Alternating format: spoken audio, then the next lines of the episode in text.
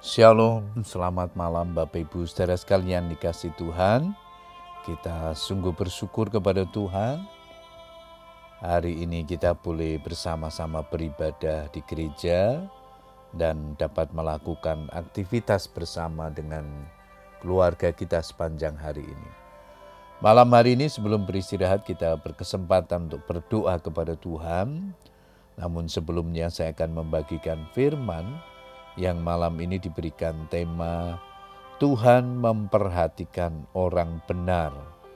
Ayat mas kita di dalam Maleakhi 3 ayat yang ke-14 firman Tuhan berkata demikian. Kamu berkata adalah sia-sia beribadah kepada Allah.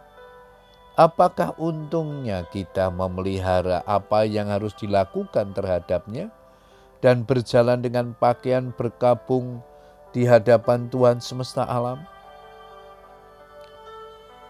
Bapak Ibu saudara sekalian dalam menjalani kehidupan di dalam dunia ini, banyak orang cenderung mengandalkan kekuatan, kepandaian, uang, kekayaan, koneksi, jabatan, dan sebagainya, daripada berharap dan mengandalkan Tuhan. Bahkan ketika diperhadapkan pada pergumulan hidup yang berat, ada orang yang berani berkata, "Ah, percuma saja ibadah atau berdoa, tidak ada pengaruhnya." Benarkah demikian? Ketidaksabaran menantikan Tuhan bertindak sering kali menjadi persoalan utama kebanyakan orang percaya, sehingga mereka kecewa, mengeluh, bersungut-sungut, putus asa, dan menyerah. Lalu mereka memilih berkompromi dengan dosa.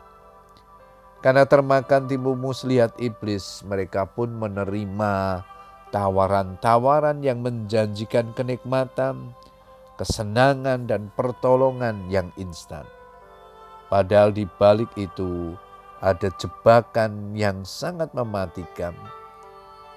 Sebab iblis datang hanya untuk mencuri dan membunuh serta membinasakan. Di zaman yang sulit seperti sekarang ini, seharusnya kita kembali kepada Alkitab. Semakin melekat kepada Tuhan, semakin meningkatkan kualitas ibadah kita dan juga jam-jam doa kita.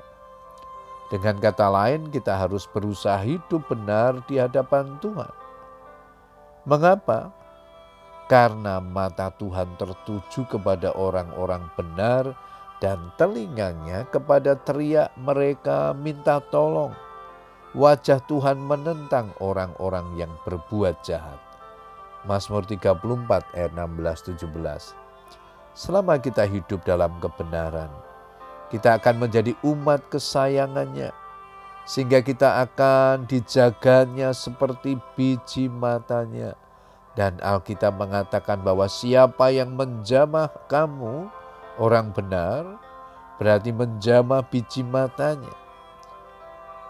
Yakobus juga menuliskan doa orang benar bila dengan yakin didoakan sangat besar kuasanya.